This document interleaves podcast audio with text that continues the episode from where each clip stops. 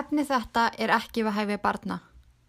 Þátturinn inniheldur ítarlegar frásagnir af íllverkum sem fólk hefur framið svo ef þú ert viðkvæmur fyrir svoleiðs umræðum er þátturinn ekki fyrir þig. Fóreldrar, ég hvet ykkur til að fylgjast vel með því hvað börnin ykkar eru að hlusta á á netinu.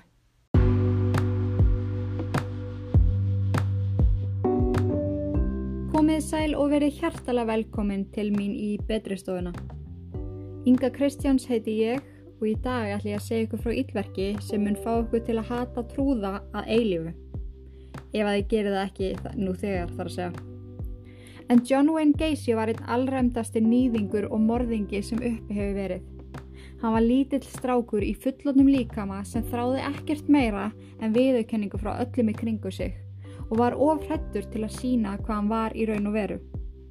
Í staðinn fór hann leiðina sem að ég ætla að segja ykkur frá hér í dag. Faldi sér bak við trúðabúninga og stórlagsastæla. John Wayne Gacy átti aldrei sjans og ekki heldur þeir sem urðu á vegi hans.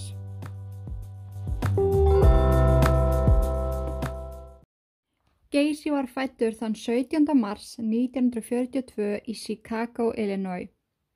Hann var miðjusónur þeirra John Stanley Gacy og Marion Elaine Robinson. Stanley var pólskur og Marion dönsk og kynntustau í lok fyrstu heimstyraldar þar sem Stanley starfaði sem velvirki. Gacy var mjög fljótt, feitt barn og hafði margir miklar ágjur á honum og þurfti móður hans að vera með hann í stöðu og eftirliti. Það hjálpa honum heldur ekki að öll hreyfing fannst honum leiðileg og netti hann aldrei út að leika sig með krökkunum í körfinu. Hann vildi freka vera inni að leika sér með, yngst, með yngri og eldri sýstusinni í mömmuleik. Hann var mikill mömmurstrákur og átti hann gott og náið samband við hanna, en pappa sínu náði hann aldrei að tengjast. Geysi eldri var mikil bytta, beitti börnunum og eiginkonu sinni andli og líkamlega ofbeldi ásamt því að vera þessi glataði skarfur sem töðaði yfir allt og öllum. Hann hataði homma, svertingja og hafði skoðun á öllu sem fór ekki nákvæmlega eftir hans höfði. Það var því ekki skrítið að börnin hans þorðu frá blöytu barspenni aldrei að segja eða gera neitt. Því fyrir pappa þeirra gæti að veri raung hegðun og það gæti orðið svo að þeim erði refsað. Þau hlýttu því pappa sínum í einu og öllu og voru alltaf sammala öllu því sem hann saði, til að halda kallinum góðum. Margar slæma minningar stóðu upp úr í lífi geysi þegar hann hugsaði tilbaka til pappa síns. Eina sem hann þráði var að gera hann stoltan af sér, en það tókst honum aldrei. Eitt skiptið barði pappansan með leðubelti, hann var um fjögur ára gammal og hafi vikk fyrktað í vélarpörtun sem stóðut og hlaði fyrir utan heimileðra. Önnu minning er þegar pappan sparði hann það fast með kúrskafti að hann leið út af. Hann myndi ekki alveg afhverju, hann gerði það samt. Stundum beitt hann bara ofbeldi því hann var í þannig stuði. Hann gerði líka mikið grín af sinni sínum fyrir að vera allt og líkur systru sínum. Hvort hann vildi ekki bara byrja að gangi kjól eins og öfuagan er að gera. Hann stríti honum þegar hann kom að sinni sínu leika við systru sínar í mömmu eða kennarleik. Hann kallaði hann heimskan og vittlusan kynvilling. Geysi var aldrei nógu góðu fyrir pappa sinn og með tíð og tíma þróast þessi mikla hatur sem var bara sterkari og sterkari þegar fór að líða á fullönsár Geysi. Þegar Geysi var 6 ára gamall stál hann leikfangabíl úr dótabúð í nágranninu. Honum hafi langaði hann svo lengi og hann sá ekki fram og hann myndi nokkuð tímar eignast hann. Þegar að mammans kom auða á glænýja leikvangabílinn spurði hún són sinn hvort hann hefði nokkuð stólibílnum og það væri alls ekki heiðalegt. Geysi gat ekki lójað mömmu sinni og brast í grát. Mamman sað hann um að það erði allt í lægi ef hann myndi fara og skila bílnum og beðast afsökunar sem hann félst á að gera. Mamman slétt pappa Geysi vita og sagði reygin frá því að hann ætlaði að taka ábyrð á gjörðu sínum og skila bílnum. Geysi eldri hjælt nú ekki og lúbarði svon sinn með leðubeltinu góða. Eftir þetta leindi Marjón öllu fyrir eigimanni sínum sem kom að börnunum til að, vend, til að vendaði frá barsmiðum og munlegri útúðun. Þegar hún sá ekki til, kallaði Geysi eldri són sinn Sissi og mammasbói og sagði honum að hann var í vissum að hann erði hommi.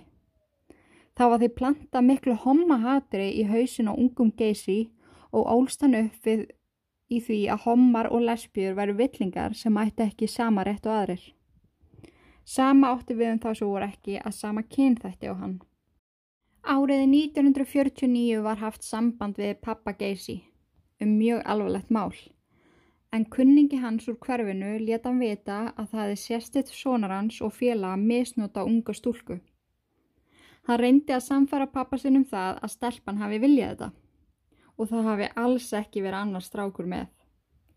Geysi hefði bara áhuga á eignast kærustu og þetta væri eitt stór miskillingur. Hann vonaði líklegast að pappan skæf honum high five fyrir að vera komin á sjens en í sta staðin var leðubelti sótt og Geysi barendi blóðs. Þetta sama ár misnotaði föðubróður Geysi hann, en með honum hafi Geysi oft farið í bíltúr. Frændi hans vann sem sendibílstjóri og fannst Geysi gaman að fara með og sjá aðra bæi í kringum hans eigin. Í þetta skipti stoppaði frændans með hann út í kant og snerti hann á óveðandi hátt og let hann gera slíktið sama við sig. Geysi þorði aldrei að segja pappa sínum frá þessu og var hann vissum að ef hann myndi segja honum frá myndi hann saka hann um þetta allt saman og kalla hann homma. Þessi ungi drengur þurfti að setja á þessu lindamáli allt sitt líf og vaknaði hann oft upp á nóttinu með martræður. Frendi hans kom líka ennþá mjög oft í heimsókn og þurfti Geysi að þykjast og láta sem ekkert hafi ískorist. Í kringum tíjar aldur kom í ljós hjartagallið sem Geysi hefði öllum líkindum fæðs með. Það var hægt að halda öllum enkenum og fylgjikvillum í, skef, í skefjum en í staðinn þurfti hann að lifa mjög rólegu lífi. Hann mátti ekki stressa sig mikið og alls ekki stunda neinar íþróttir. Það þótt honum nú ekki erfitt þar sem honum fannst að hvað sem er hund leiðilegt. Það hjálpaði honum alls ekki líkamlega og Geysi fitnaði og fitnaði við hverju árinu sem leið. Hún var mikið stríkt af krökkunum bæði skólanum og í hverfinans og átti hann enga vini. Hann sótti því mikið í það að setja með kennarunum í matsalunum, bjóðast til að sækja hitt á þetta fyrir þá og með, og með tímanum var þann hjálparhella nær allra kennara skólan sem höfðu einstaklega gaman að þessum pattarlega brósmilda krakka. En þetta þótti ekki töff á meðal samnemenda og jók striðnin gífulega. Vanlíðaninn sem fylgdi því að fara í skólan kom niður á heilsu geysi. Hann fór að upplefa hræðslu og streitu og einn daginn þegar krakkarnir voru að stríðunum út í fyrirminútum leiðan út af. Það kom svo í ljós að botlangin í honum hafi sprungið og getur það verið lífshættulegt ef ekki er grepið inn í og, og botlangin fjarlæður. Eftir þetta atvik fór Geysi að upplefa regluleg flóaköst og eitti hann næstum heilu ári á sjúkrósi frá 14 til 18 ára aldurs. Mamma hans satt alltaf hjá honum og stóð með honum í gegnum þetta allt saman. En pappa hans mætti aldrei. Hann töðaði honum að vera búin að missa úr mörg ári skóla og nú gætu þau verið vissum að ekkert erði úr drengnum. Hann var vissum að öll þessi flók og yfirlið væru leikaraskapur til þess að fá meðengum því hann var bara sissi. Árið 1960 þegar Geysi var að 18 ára gamall fór hann að hafa virkilega gaman að pólitík. Hann fekk stöðu hjá flokki demokrata í einni herrferð þeirra og fór hann sáttur heim að segja fóldri sínum frá nýja sömarstarfinu. Pappi hans dæmdi hann meira en nokkru sínum fyrr og kallaði hann sveikara en hann stóð ekki við demokrata. Allt sem hann gerði, allt hans líf, var til þess að gera pappa sinn stoltan. Maður getur rétt ímynda sér hversu mikið niðurbróta er að mistakast alltaf. Þrátt fyrir það að pappi hans væri ekki stoltur á hannum voru þeir sem réðan í vinnu fyrir flokkin mjög ánæði með hann og fekk hann áframhaldandi starf sem gerist nánast aldrei á ungum krökkum í sumar afleysingum. Geysi til mikinar undrunar kom pappans einn daginn færandi hendi. Geysi rak upp stóru augu þegar pappans kerði bíl í hlaðið sem hann gaf honum.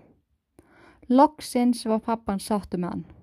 Loksins fekk hann umbun fyrir að hafa staðið sig eins vel og hann mögulega gætt. En þekkjandi pappasinn þá var þetta allt og gott til að vera satt. Þennan bíl mátt hann nota en pappans áttan þar til Geysi var búin að borga á honum hverja einustu krónu. Þessar greiðslur tóku Geysi mörga ár og tók pappans leiklana og faldi þá ef sonur hans gerði ekki nákvæmlega sem hann sagði. Geysi bráði þá ráð að kaupa auka setta leiklum á bílun um, og þegar pappans hafi fengið ennitt brálaðskastið og falið leiklana gata notað auka settið. Þegar pappans kom að þessu tók hann gýrstöngina úr bílnum eða skaftið innan úr bílnum og faldi það í þrjá daga. Í þetta skipti fann Geysi hvað hann nendi ekki alltaf stu pappa sin lengur. Sama hvað hann gerði þá gæti hann aldrei segrað og hvað þá orði jafningi pappa sins. Hann var orðin óendala þreyttur á þessu og alveg búin á því. Hann skilaði aukaliklunum sem hann hafi keift á náttbór pappa sins, pakkaði tösku, nöðsinum og fór svo með fyrstu rútu til Las Vegas. En við komum svo að því hvað Geysi fór að gera í Las Vegas eftir örstuðt skilabóð frá styrtalaðila þáttarins.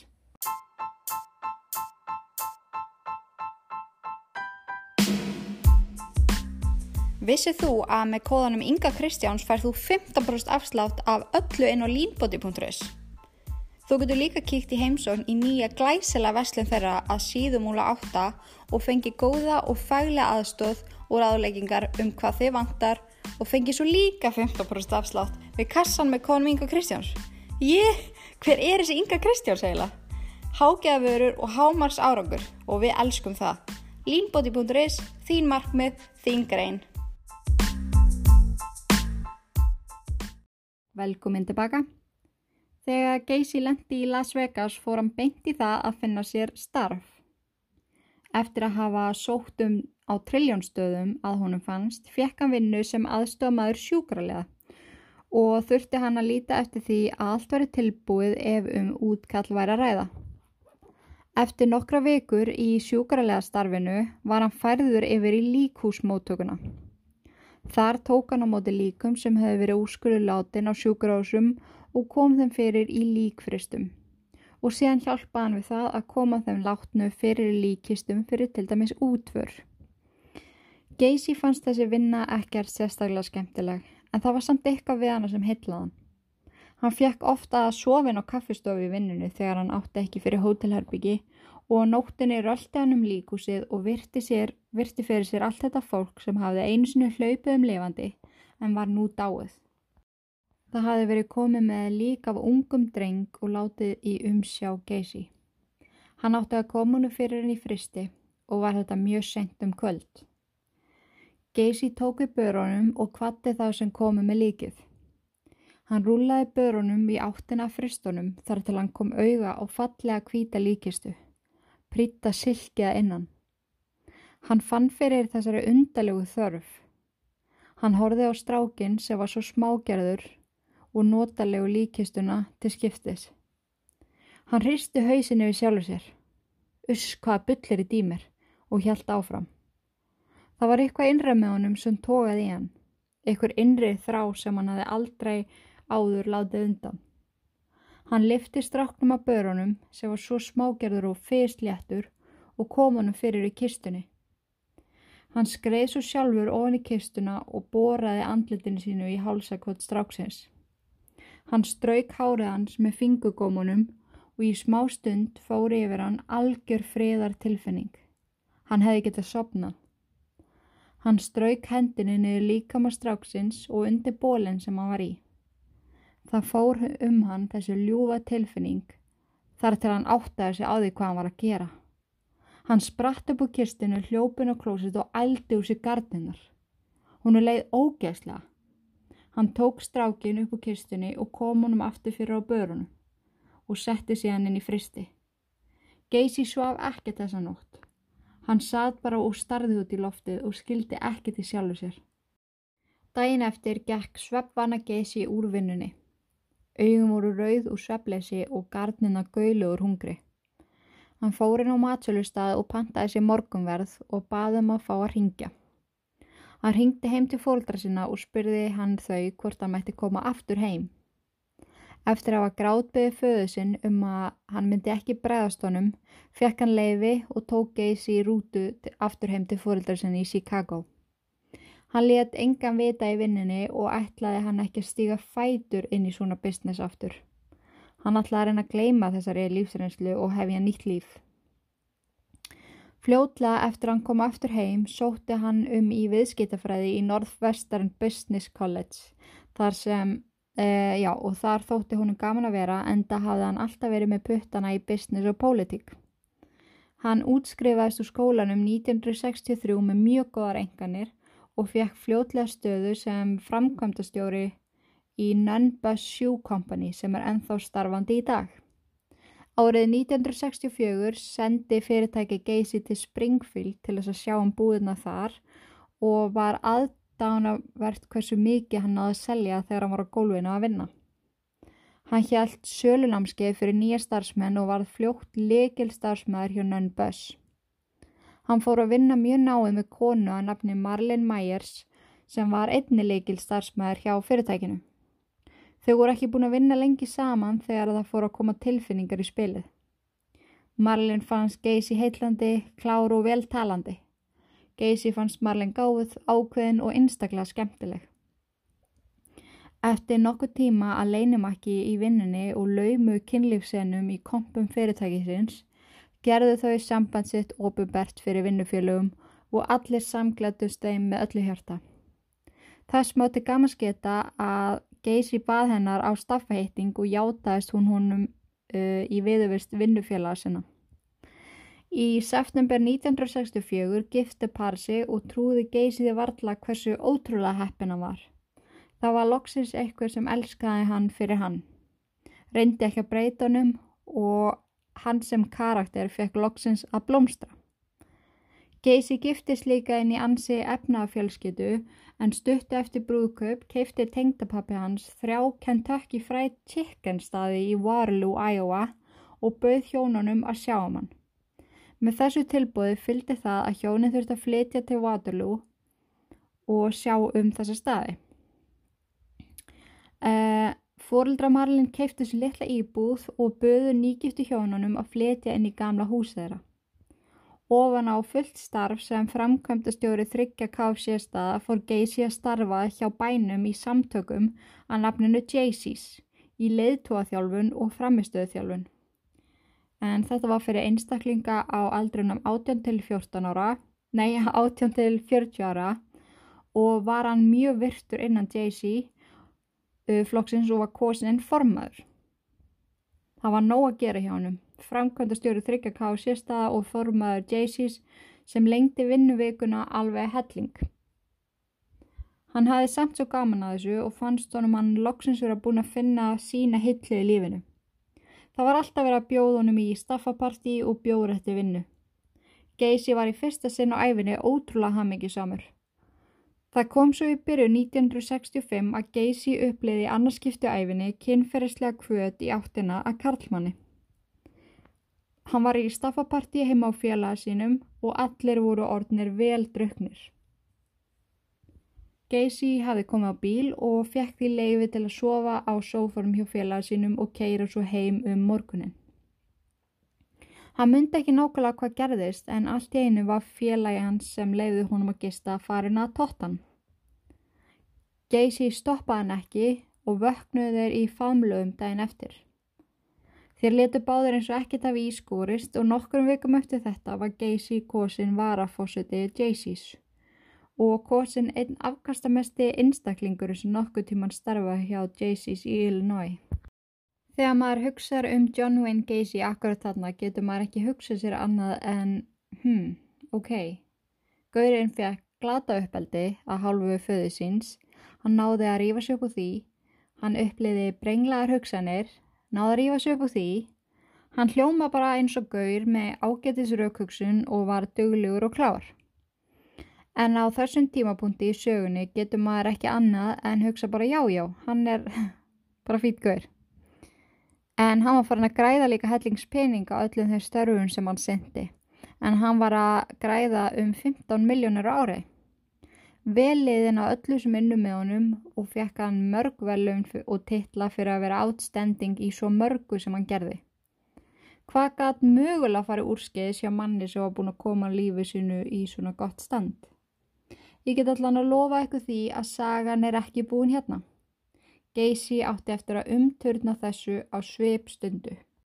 Í februar 1966 kom í heiminn lítill drengur sem að hjónin skýrðu Michael Wayne Gacy og ári síðar kom Christina Gacy í heiminn, eða í mars 1967. Gacy lýsir þessu tímabili lífsins sem fullkomnu. Ekki nómið það að vera búin að eignast þessi fullkomnu börn sem hann elskaði meir en allt, þá náði hann loksins blessun föðu síns. Þegar fórildra hans kom í heimsó, tók pappi hans hann afsýðis og baðst afsökunar á því hvernig hann hafi látið við hann. Hann sagði honum að hann væri stoltur á honum og hann sæi mikið eftir því að hafa nokkuð tíman efast um hann. Hann sagði orðrétt Son, I was wrong about you.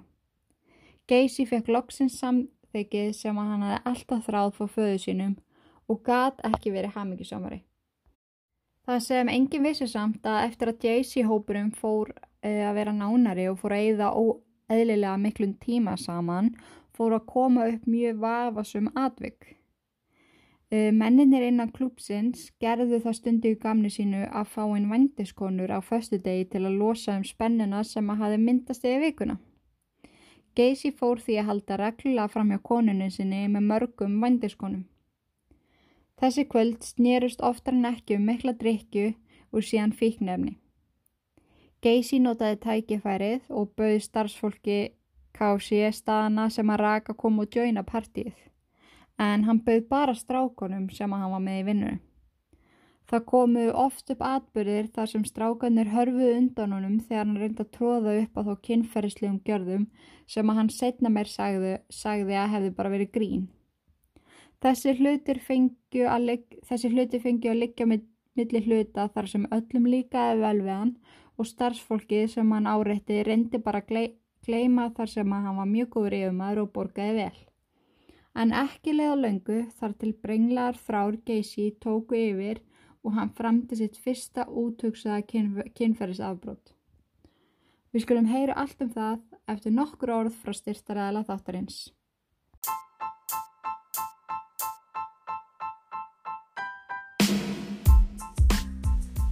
Er á æfingafóti þín orðin upplituð og gödótt? Ertu ekki að meika hvað æfingaböksunna þín að rúla alltaf neður þegar þú ert á æfingu? Eða ertu jáfnvel í 15 ára gamlum kvennalöpsból frá mömmuðinni?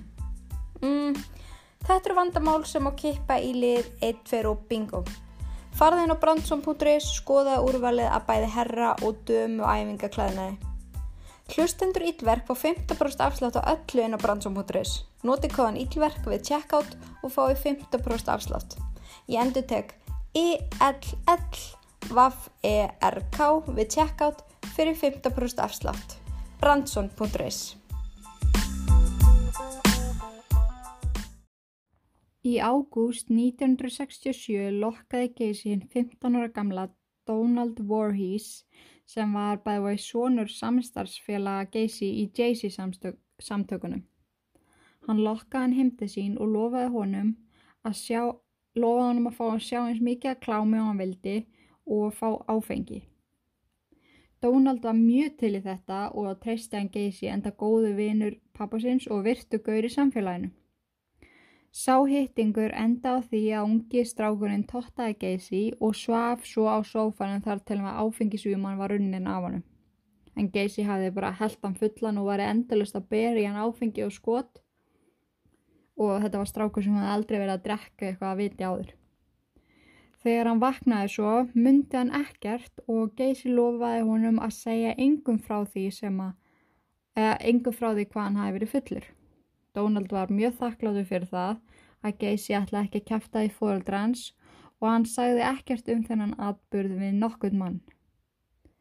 Svona atvik fór að koma upp ægoftar og taldi Geysi unglingspiltunum trúum það að hann, að hann væri partur af rannsókn og kynneið úlinga og borgaði þeim 50 dólar fyrir allskins kynferðislega atferðli. Hann var rauninu bara að borga þeim fyrir e, tótt og fleira og laug að, laug að þeim að hann væri að veist, gera ykkur á rannsóknir. En 1968 var Donald búin að leita sér sálfræðilega hjálpar eftir að upplegið þetta og hann náði því bara ekki úr hugunum því sem hann hafi gert með Gacy. Minningarna fór að koma hægt rólega tilbaka þar til að hann myndi atbyrðar á sína nokkuð vel. Geysi fylgti hann með áfengi af ásættur á því og klámið var bara til að trubla.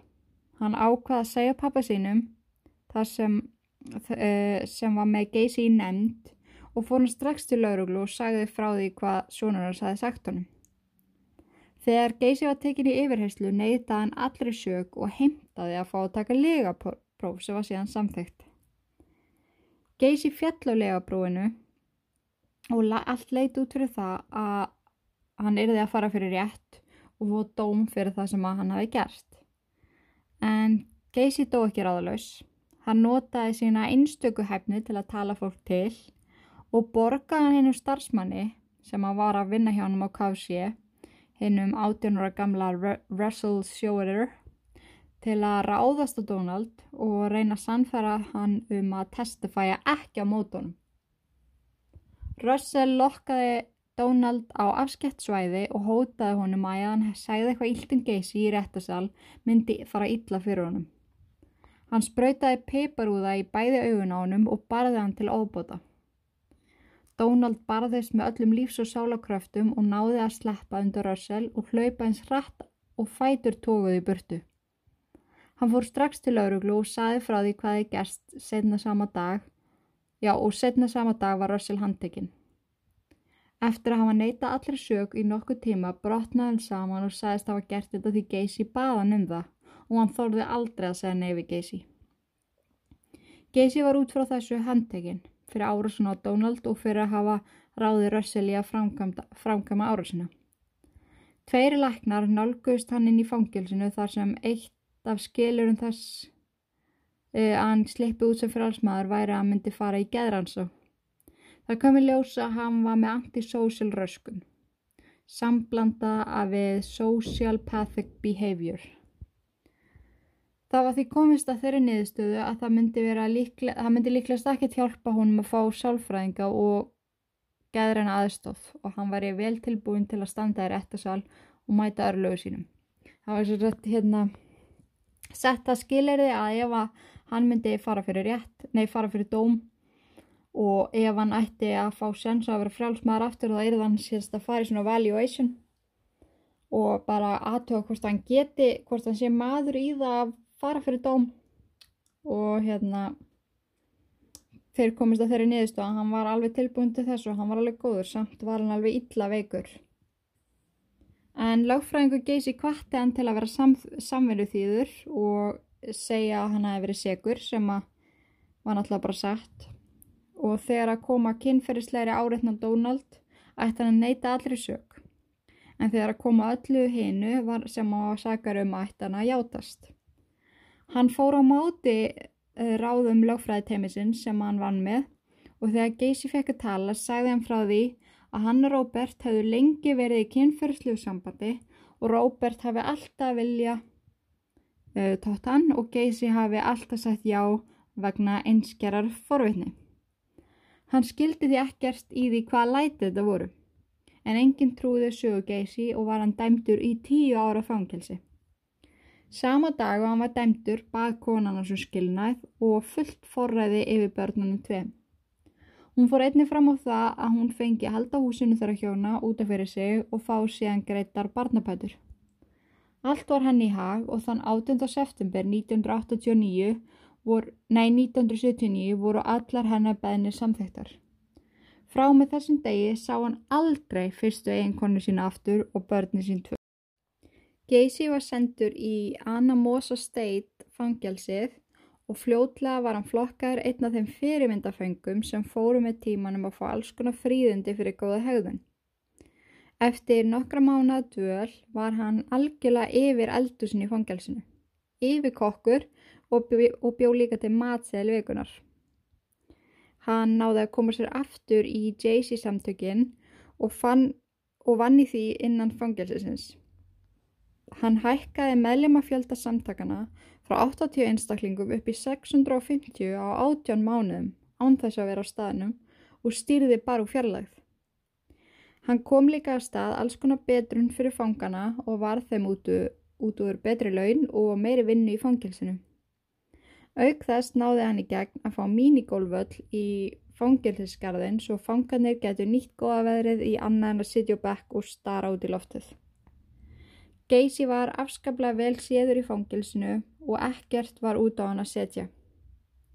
Árið 1969 tók Geysi fyrstu tilraun í að komast út en þeirri beðni var neitað. Um, hann átti svo næsta fund í mæ 1970 þar sem skoðað er þið snembúna losnin hans úr fangelsi. Á dvölhans í fangelsinu kláraði hann 16 college áfanga og nýtti tíman einstaklega vel í að menta sig og verða fróðari í ýmsum hlutum. En á aðfangadag 1969 lést pappi hans úr alvarlegum livrarskemdum sem komu í kjölfar langfarandi e, áfengis neslu. Þegar Geysi fekk fréttina neyg hann í gólfi og hágrið Staffið þurfti að styðja hann inn í klefan sinn þar sem að hann lá í fóstustellingu alla nóttina og greiðt. Hann grátt baðum að fá dagsleif til að fara í jarðför pappa síns en þeirri beðni var neitað. Þrem árum eftir að Geysi var hendi í steinin var hann hleyft út fyrir fyrirmyndarhegðun en uppröðanlega átti hann að setja inn í tíu ár. Einu skilinu sem voru sett var að hann myndi flytja aftur til Chicago til mömmusinar sem hann gerði. Hann sótti þar um á veitingastað og var fljótt yfirkokkur úr líkil starfsmæður staðarins. Hann fekk svo á sig aðra ákæru 12. februar 1971 þar sem hann bauð unglingsdreng far sem hann hafi séð stíga át úr strætó á Greyhound bus stöðinni. Strákurinn fjálst á það að fá far og þakka hann að kella fyrir. En í staðin fyrir að skuttla stráknum heim fór hann með hann heim til sín bauð honum áfengi og að horfa á klám og reyndi svo að þvingan til að torta sig, sem hann gerði með tárin í augunum. Hann stundaði svo þvinguð mög við drengin og lefði hún svo að fara. Hann fjekk á sig ákjæru fyrir þetta þar sem að þessi ungi maður fór beint til lauruglunar. Málið fjallsaðum sjálft sig þegar að strákurum mætti ekki réttasal til að vitna á móti geysi en Geysi gekk í burtu sem frjáls og áhyggulegs maður. Mamman hjálpa honum svo fjárvarslega við að kaupa sér hús og var það eitt ótrúlega fallegt fyrir valinu sem var staðsett í Northwood Park Township, A213 West Summerdale Avenue. Jep. Um, ég get hrygt ykkur með því að það er búið að rýfa húsi sem hann bjó í en það er átt að sjá vídeo innan úr því en það er samt mjög áhugavert að sjá þess að götu og svona eitthvað langar að googla en þarna átti, átti hann eftir að verða þar til að örlögin settu stryk í reikningin. Hann kynntist svo einstæði móðurinni Carol Hoff og fjall algjörla fyrir henni. Þetta var stelpa sem hann hafði verið megar hefina í skóla þegar hann var yngri og þá var ekki að segja annað en að það hefði ræst mjög vel úr henni. Þau trúlega sig stuttu eftir að þau byrja að deyta og voru bæði fárulega spennt fyrir hvort öðru. Eftir að parið gifti sér svo flutti Caroline inn með dætu sinnar uh, tvær og hann hætti hjá veitingastænum og stopnaði sjálfur sér tegi byggingafyrirtæki. En byggingafyrirtæki var í rauninni svona lítið fyrirtæki sem hjálpaði stærri byggingafyrirtækjum og var svona millilegður í alls konar pöntunum og verkum, verkum sem flýttu fyrir verkefninu, fattiði mig get ekki nefnt dæmi um neym svona fyrirtæki þar sem ég þekkit ekki en hann var allavega hana contractor það kom oft upp uh, með ungt starffólk sem sótti um hjá hann um að hann misnotaði það kynferðislega. Inn á skrifstofunni sinni og ef starfsfólki þurft að koma með í ferðir til að skoða eignir sem að fyrirtæki átt að sjáum á misnotaðan aðstöðu sinna hann var einhvern veginn alltaf að pota og pína og að ég veit ekki, hann var bara alltaf alltaf að gera eitthvað svona. Fólki leið, eða ungu fólki og ungum strákum það alveg, leið alltaf ótrúlega óþægli í kringum hann því að hann var ógæsla perralegur bara við þá. En Geysi notaði valdið sitt mjög mikið og passaði sig á því að ráða bara unga úrlínspilta í vinnu sem hann fann sem hann fann að var auðvelt að sveia og beigja og Þegar hann gekk það langt að nöðgæðum þá þorði engin að segja neitt að því að Geysi var actually að borga um ótrúlega góð laun. Þeir fengu fulla vinnu og þeir áttu ágætis framtíð með að vinna þarna. Þannig að það var ekkit alltaf sem að þeir þurfað að segja eitthvað við hann. Af því að hann var bara það valda mikill kall. 76 komst Geysi einni í tæri við Jolly Joker Club sem er fucking creepy. En það var klubur fyrir trúða sem fóru á milli spítala og kættu börn sem voru veik ásamt því að byrtast í alls konar ammælisveislum og viðbörðum. Gacy sem að hafi alltaf viljað taka þátt í öllu svona var ekki lengi að skrá sig og bjóti karakterinn Pogo the Clown og Patsis the Clown. Hann bjó sjálfur til búningin og lærði að mála sig sjálfur. Þeir sem höfðu verið lengi í trúðabisnisinu reyndu að segja honum að það gæti hrætt börn hvernig hann málaði sig. En hann málaði sig svona með rosalega kvössum útlínum og, og bara þetta trúða tött sem að maður er vannur að sjá svona goofy nef og eitthvað svona þetta var mjög óvanlegt hjá honum. Þið getið sem myndir að þessu nóg af myndum að þessu sem að munum skemmi ykkur að yfirlifu, það er bara þannig hann er ógæðslega creepy í þessum trúðabúning en hann hlustaði ekki á það sem voru reyna að gefa honum ráð og það var brálega að gera hjá honum og hann var uppbókaður nær allar helgar. En einn daginn rumskaði konan hans við læti innan úr bílskurnum. Þegar hún kíkir þar inn bregður henni aldeilis í brún en þar er geysi í trúðabúningnum og ungur maður að tóttan og gróft samkynegt klám í gangi í sjórfinu. Hún rak unga strákin út og gargaði á geysi. Hver anskotin var í gangi. Hann náði að tala hana til og þau enduðu á að stunda kynlíf þarna á gólfinu og hann er ennþá í trúðabúningnum bæði vei. Eftir þetta sagði hann henni að hann væri tvíkinöður og eftir það var sambæði þeirra aldrei eins eftir. Og í mars 76 skilja þau og Geysi varð einn eftir í stóra húsinu. En hvað ætlið það hafi verið sem að fór úrskeiðis í huga Geysi? Hann var búin að ná svo ótrúlega góður í stjórn á lífið sinu en þarna í kringum 1976-77 var eins og hann hafi algjörlega mist stjórn.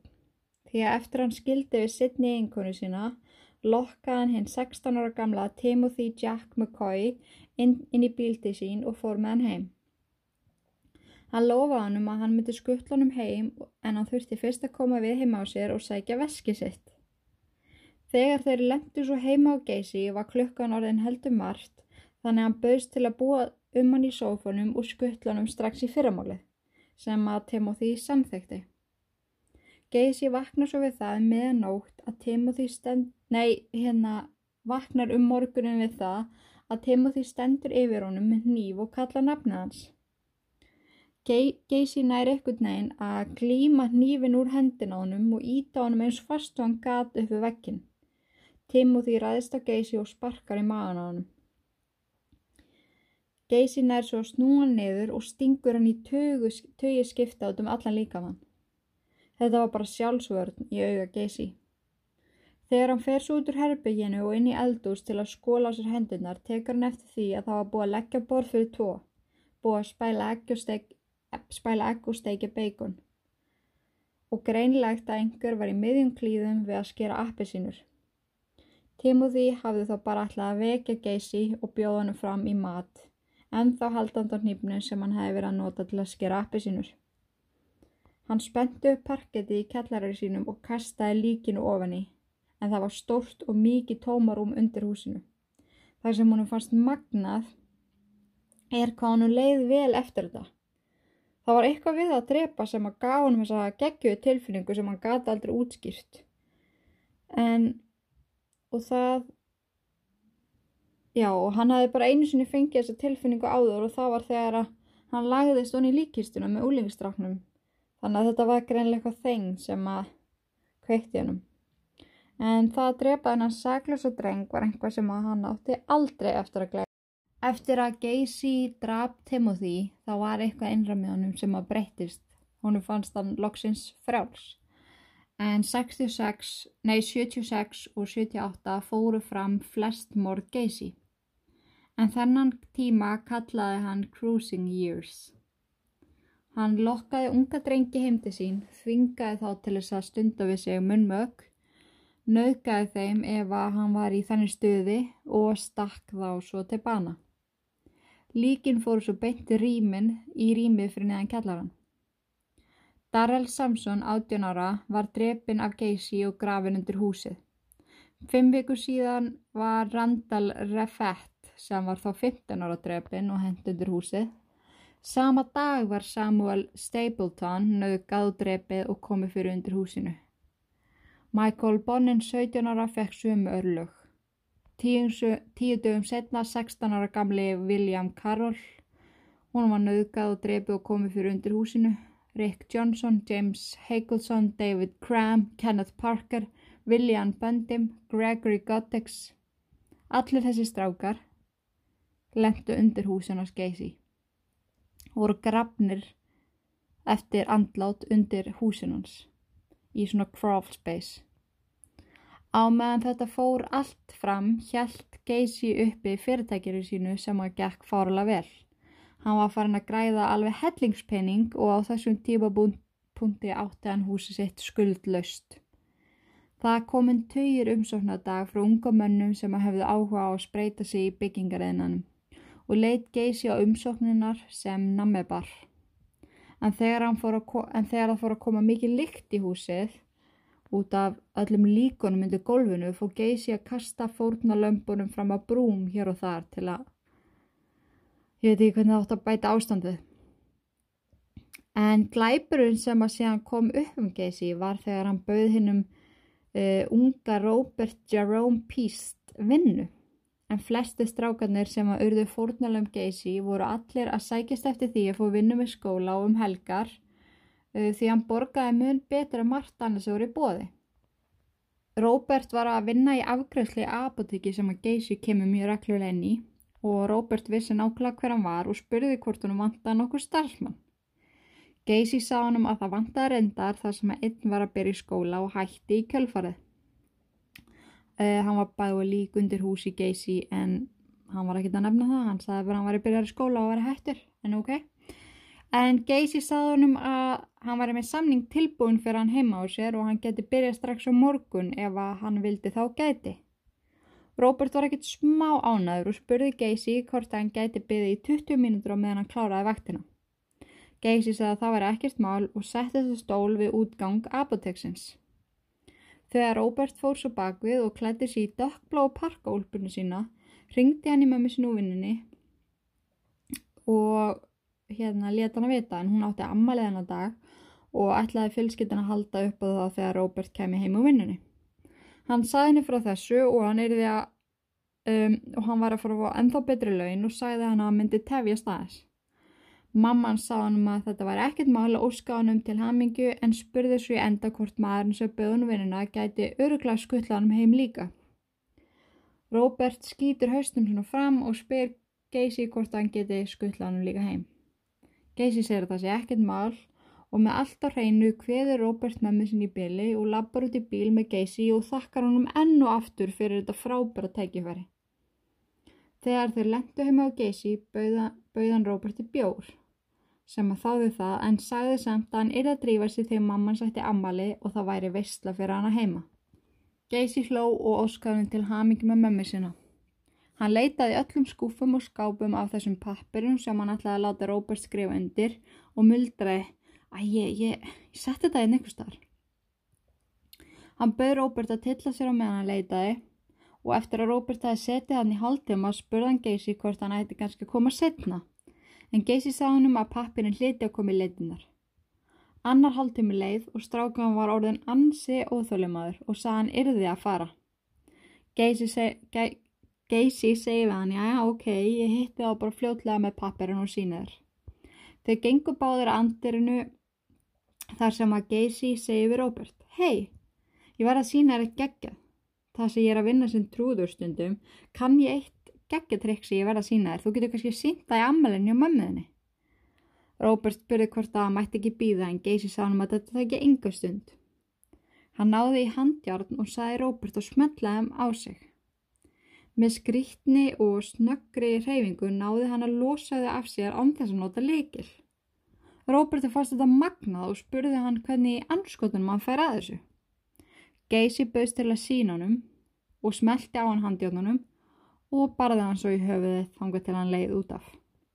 Hann fór með Róbert upp í herbyggi sitt þar sem hann nöðga honum aftur og aftur og tróði svo nærböksunum hans ofan í koki á honum svo hann kapnaði.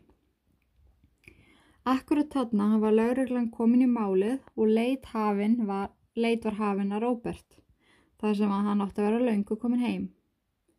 Geysi hafði alls ekki farið varlega í þetta skipti og var hægt að sjá hans ferðir í öryggismyndælum apoteksins og gat sá sem var að vinna með Róbert sagt nákvæmlega hvað hann hefði hvert hann hefði farið og meðkunum hann hefði farið og líst manninum sem að Róbert var með.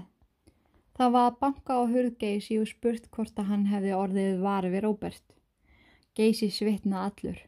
Ekki gæti hann sagt um að líka á hann um lægi upp í rúminu hans með nærböksur í kokinu og parkaúlpan hans væri baka hurðinast þegar stóðu við hliðin á. Svo hann svaraði, jú, hann var einn á hann, hann var að sækjum vinni á mér. Hann stoppaði henni í hurðinni og fekk svo far heim með vinni sinum. Ég mun heitt hann svo aftur á mánudaginn. Er ekki allt í lægi með hann það? Lauruglan tilkynnti Geysi að hann hefði ekki skilað sér heim og ekki látið vita og hann mætti endilega láta vita ef honum ditti ykkur upplýsingar í hugum hvarfið hans. Geysi sagði að hann skildi auðvitað gera það og vonaði að allt færi vel. Þegar hann lokaði eftir sér, dætt hjarta hans næstum, næstum á gólfi. Hú, hann spretti upp í herbyggi og sótti lík Róberts. Hann kom því fyrir á sem teinin 25 undir húsinu og skreið svo beint upp í rúm að sofa. Eftir að ekkert komi ljós með hvar Róbert sótti lauruglan um leitarheimild á heimili Geysi þar sem að hann var svo eini sem aðeins síðan eftir að hann fór heim úr vinnunni. Leiti húsi, húsi Geysi kom náttúrulega upp um parkaúlpuna og fyrir utan það þá var ekkert annað í húsinu sem að benti á neitt annað en Geysi gatt ekki annað en frostna þegar það var spurt hann af hverju parkaúlpan væri þannig og af hverju kvittuninn í vasanum væri upp á akkurat tíman sem hann hafi stimplast út úr vinninni af því að Geysi hefði sagt að hann hefði bara staði í hurðinu og, og Geysi sagði já, æ, jú, hann kom að leita aðeins inn og beigða með henni var að leita og akkur sagður það, akkur sagður það ekki gær? var hann spurður. Og þetta var allt mjög dölafullt þannig að það fór þeir fóru bara all-in í að leiti húsinu og það var tekið mjög alvarlega þessi parka úlpa værið aðna og það var sínt fóreldrum hérna Róbert þessa úlpu og þau játuð að þetta væri hún. Og þarna var var hann orðin mjög grunnaður maður. Það var líka þessi undalegi ilmur sem að umlugti húsið, þetta var fíla bara En á meðan laurugla að leita í húsinu það fór Geysi og tók leiðslur úr sambandi sem fóru, eh, sem fóru með svona hérna, rörum í gegnum holrýmið undir húsinu. Hann vonaði allt myndi fyllast af vatni og leitir þið hægt og húsi rifi vegna vaskjamda. En þetta var bara svona stundabyrjalaði hjá hann. En planið hans hafi verið að fylla rýmið af steipu og steipa yfir all líkin en hann hafði ekki komist í það svo í örvæntingu sinni brá hann á þetta ráð. Í stað þess að hætta leit reyndi lauruglumennir honum. Það var kallað át manna nefni Daniel Gently sem var sérfræðingur í svona málum og fann hann strax laust til hérna, laust til að stoppa flæðið og til að þurka svo upp rýmið undir kjallarinn svo ekki kemur mikla. En hann þurfti að fara þanga undir og þegar að Geysi heyrði það þá styrna hann upp. Núna var þessu lokið. Nokkur mínútum eftir að Daniel fór niður og byrjaði að svipast um kom hann auðu á bein, húð og fleiri líkansleifar og hann kallaði upp. Hey, you can charge this man with murder. I think this place is full of kids. Gacy var handekinn á staðnum og hann settu beint í yfirherslu. Hann ætlaði sér aldrei að ljúa sig út úr þessum aðstæðum og sagði strax I want to clear the air og þuldi upp allt sem hann hafi gert og hvernig hann hafi gert það. Hann lokkaði inn unga stráka, stráka en ekki af því hann var í faggi sko eins og að pappan saði þetta bara af því hann hafi alltaf meira áleita stelpum heldur í strákum og hann gæti ekki hugsað sér að gera stelpum einn. Hann notaði orðið faggat mjög mikið og eins og ég segi það er líklega eitthvað sem að pappa hans hefur kallað hann þegar hann var ungur. Hann lokaði strákan hann, ég, ég, ég er svo fyndin, ég er svo lesblind að ég skrifa alltaf loka. Ég er að reyna að skrifa lokka sko. Þetta fylgir. En hann sérst lokkaði strákana þannig að hann bauð þeim far eða vinnu eða leitaði þá sem að vantaði peninga eða fíknefni hann hætti að tellja eftir 25 og hann var vissum að hafa drefið á milli 25 til 30 stráka 26 af þeim voru grafnir undir húsinu og restin af þeim sem hann hafði restin af þeim hafði hann hent hinga og þangað í ár og fram af klettum. Hann deldi í hvernig hann elskaði að binda strákara niður, nota á kynferðslega, pinta á smá, mögulega berja þá með leðubelti og brjóta á niður munlega. Flestir hafðu verið kynntir fyrir taurabræðinu sem ég sagði eitthvað frá áðan, þar sem Geysi gæti tekið handjátn af sér og reypi með einu snöggu handbræði. Hann leiði öllum fórnulambunum sínum að sjá og síðan prófa þegar þeir voru fastir og alveg að gefast upp á trekkinu drapa hann þá. Hann leik sér svo að þeim, niðurlæði þá fyrir honum voru þetta bara fakkar og auðmingjar. Allavega tvö af fórnarlamburum fengu þó hryllilegu meðferð að vera haldið undir vatni þar til lífi var alveg að líða úr þeim og svo kift upp úr og haldið áfram að misnóta það og þessi svona drek, drekkingar aðferð nótuð aftur og aftur þanga til að fórnarlambi gati ekki meira og dó. Geysi teknaði upp kort af húsinu sinu svo að það fyndist auðveldlega hvar best væri að fara neyru rýmið og hvar væri best að ná upp líkonum. Dæin eftir að, dæin eftir að hann var handtekinn eða 22. desibir fóra með lauruglunni aftur heimdi sín til að fara yfir allt og sína þeim allt með einn orðum. En hann hagaði sér eins og hann væri orðin partur af þessari rannsókn og hann talaði eins og hann væri að leita af glæbamanni og væri að hjálpa til með að finna hann var einhvern veginn farin fyrir utan málið og ég veit ekki, það var eins og hann væri bara einmitt að tala um einhvern annan mann en sig hann var búin að fjarlæga sjálfa sig algjörlega úr þessum aðstæðum Frá 22. desember til 29. desember 1979 fundist 27 lík á landaregn Geysi 26 þeirra voru í rýminu undir kjallaranum eitt þeirra steift ofan í golfið á bílskurnum Annað þeirra fannst í grillstæði í bakarðegeysi. Eina sem var eftir að því líki var hönd með ringá sem benti til þess að aðeilin hafi verið giftur. Annað lík fannst undir gólfinu í betri stofu geysi. Þegar það var spentu parketti kom líki í ljós beint fyrir neða parketti og var enþá vír fastur um hálsin á, á því og rótnuðu líkinu sást nærböksur sem geysi hafi tróðið ofin í hálsin á fornalampinu. Í heildina myrti John Wayne Gacy 33 unga menn á aldrinum 14-21 árs. Það hefur aldrei verið búið kennsl á sextara. Restin fekk loksins að kvíða, kvíla í friði. Áður en Gacy fekk dóminn, eitti hann um 300 klukkutímum með geðlæknum og sálfræðingum vísvegar um heiminn sem þráðu það að fá að tala við þennan hræðala mann og læra af honum. Hann taldi þeim trú um að hann væri með marga persónuleika, en hann hafði aldrei verið greindu með svoleiðis áður fyrr. Eina greiningi sem Geysi hafi verið greindu með var social, antisocial disorder. Eftir að hafa skoðað hann fram og tilbaka og rætt við hann endalaust komi ljós að hann var ofsakna óður geðklofi með alvarlega persónuleika röskun og antisocial hegðun sem er, og þetta er bara allt saman hræðilega blanda.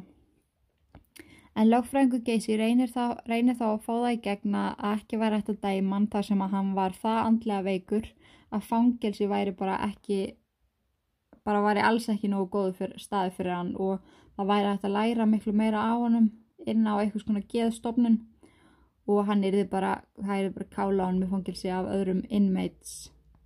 En það voru svo ótrúlega margi drengi sem stegu fram og sögðu frá lífsreynslu sínum sem að þeir áttu með Geysi að einn er að guppa á gólfið eftir að hafa líst í hvernig Geysi neytti hann til að totta sig. Fórnarlömpin sem hann draf voru 33 en fórnarlömpin í heldina voru mun fleiri. John Wayne Gacy var dæmtið til dauða þann 12. mars 1980 þá 38 ára gammal. Í fangelsi tók hann það upp að mála myndir. Hann málaði aðla myndir á trúðum og hauskúpum. Ég hef heist að þessi málverk hafi verið seld á röglmikjum pening og það er enn í dag hægt að kaupa print af þeim uh, út um allt. Ég var að mynda að skoða það og þetta er ótrúlega creepy. Ég fekk ángur í skæsahúð að sjá þessi málverk. En Gacy var svo tekin að lífi þann 10. mæ 1994 við mikil fagnaróp almennings. Fólk hópaði saman og hlustaði eftir frettinni sem allir beigðu eftir. way overdue uh, process that has to be shortened. Many family members were angry that they were not allowed to actually witness the execution. My colleague Chuck Gowdy spent the night covering Gacy's execution that was scheduled actually for one minute after midnight, but occurred uh, much later than that, about an hour later than that, because of at least one serious delay. John Wayne Gacy was pronounced dead at uh, 12:58 uh, a.m. That statement early this morning was more than 15 years in the making. 15 years after a graveyard of torture victims was found under his house, John Gacy paid the price. Gacy was executed for 33 sex-related murders, executed in this room at Stateville Prison, the former home of the old electric chair. His death by lethal injection took 18 minutes, three or four times longer than it should have, because of a major snafu, a blockage in an intravenous line that was to deliver the chemical to stop Gacy's breathing, the second of three chemicals. During the uh, second chemical, uh, there was uh, some problem with that chemical uh, gelling in the line. We're not real clear whether it was the uh, blood clotting uh, with the needle or whether the uh, chemical itself was gelling. 42 official and media witnesses watched the execution and watched as the curtain was closed during the foul up. Uh, he did not make eye t- contact with any of us. Uh, he looked up at the ceiling, said a few words to uh, the director and the warden. Uh, one of the things I did notice was there was a complete change in the color of his face, and obviously he had a stoppage of the heart. There were all these sort of shadowy things going on, and it was very creepy, but it wasn't like you saw anything bad happen. Authorities say Gacy made a final statement that taking his life would not compensate for the loss of others, and that this was the state murdering him. 23 relatives of Gacy victims were not among the witnesses. They were put in a meeting room at the prison, found out Gacy was dead from TV news coverage, and served punch and cookies. We weren't at all notified what was going on throughout the whole uh, episode, and we were all a little bit uh, distraught about that. The cause of death to be listed on John Wayne Gacy's death certificate homicide. Ironically, the same cause of death listed on the death certificates of his 33 victims. Albeit in Gacy's case, it was at the hands of the state. At Stateville Prison in Joliet, Chuck Gowdy, Channel 7 Eyewitness News. Now, as Chuck mentioned, relatives of the victims flocked here for the execution for the final chapter of their suffering, if you will. And following the execution, they reflected on all the years and all the pain. Um, I, I just don't feel that it solved a whole lot seeing someone, uh, hearing about someone's death. But it was the sentence that came down. And I, I feel we need to be more consistent with our laws if we expect to have ever have a, a peaceful society. My son should be remembered, and all those that have not been mentioned should be mentioned. And Michael Marino should be mentioned, and all those that have never been mentioned should be mentioned. Thank you, God. I feel justice has been served. Uh, um, just like Tim said, I'm glad it's over. It's a, it was a long, drawn out, way over, way overdue uh, process that has to be shortened. Were you told about what his last statement was? What, what was your opinion about that? We were told nothing. We were really told very little. His last statement was that he, uh, he he felt he was innocent. He was a victim of all this. You know, that's something he's been saying for 15 years. That's that's basically what I expected him to say. That gentleman, Vito Mazzaro, the brother of a victim, appealed to the governor late yesterday afternoon so that he could witness the execution. The governor would not speak to him on the phone, and aides said he would not be allowed. He would have to stay with the other family uh, victims' uh, families and relatives in another room. We'll have more in about 30 minutes. Live from Stateville Prison in Joliet, I'm Dick Johnson, Channel 7 Eyewitness News. 33 lendu í klóm Gacy og voru teknar lífi af hans höndum. Það voru svo fullt af fleiri strákum sem að misnótaði en með nútíma tekni sem er til í dag er búið að bera kennsla eitt drengi viðbót sem hefði verið týndur í um 30 ár og það var staðfest það bara núna 2017 að þessi stráku var fórnalamb John Wayne Gacy. En þessi maður er með þeim allræmdustu í sögur aðmórðinga í heiminum og er hann algjörlega á pari við Ted Bundy og fleiri. Og ég var einmitt að hugsa en daginn að hversu hræðilegt það hefur verið að vera í bandaríkjunum þarna 1965 cirka til svona 1980 því að það voru bara einhverju 5, 6, 7 raðmörðingar á kreik sem voru bara að drepa hver og einn kannski 10 til 30 manns. En það er alveg ótrúlegt hvað er voru einhvern veginn allir á sama tíma.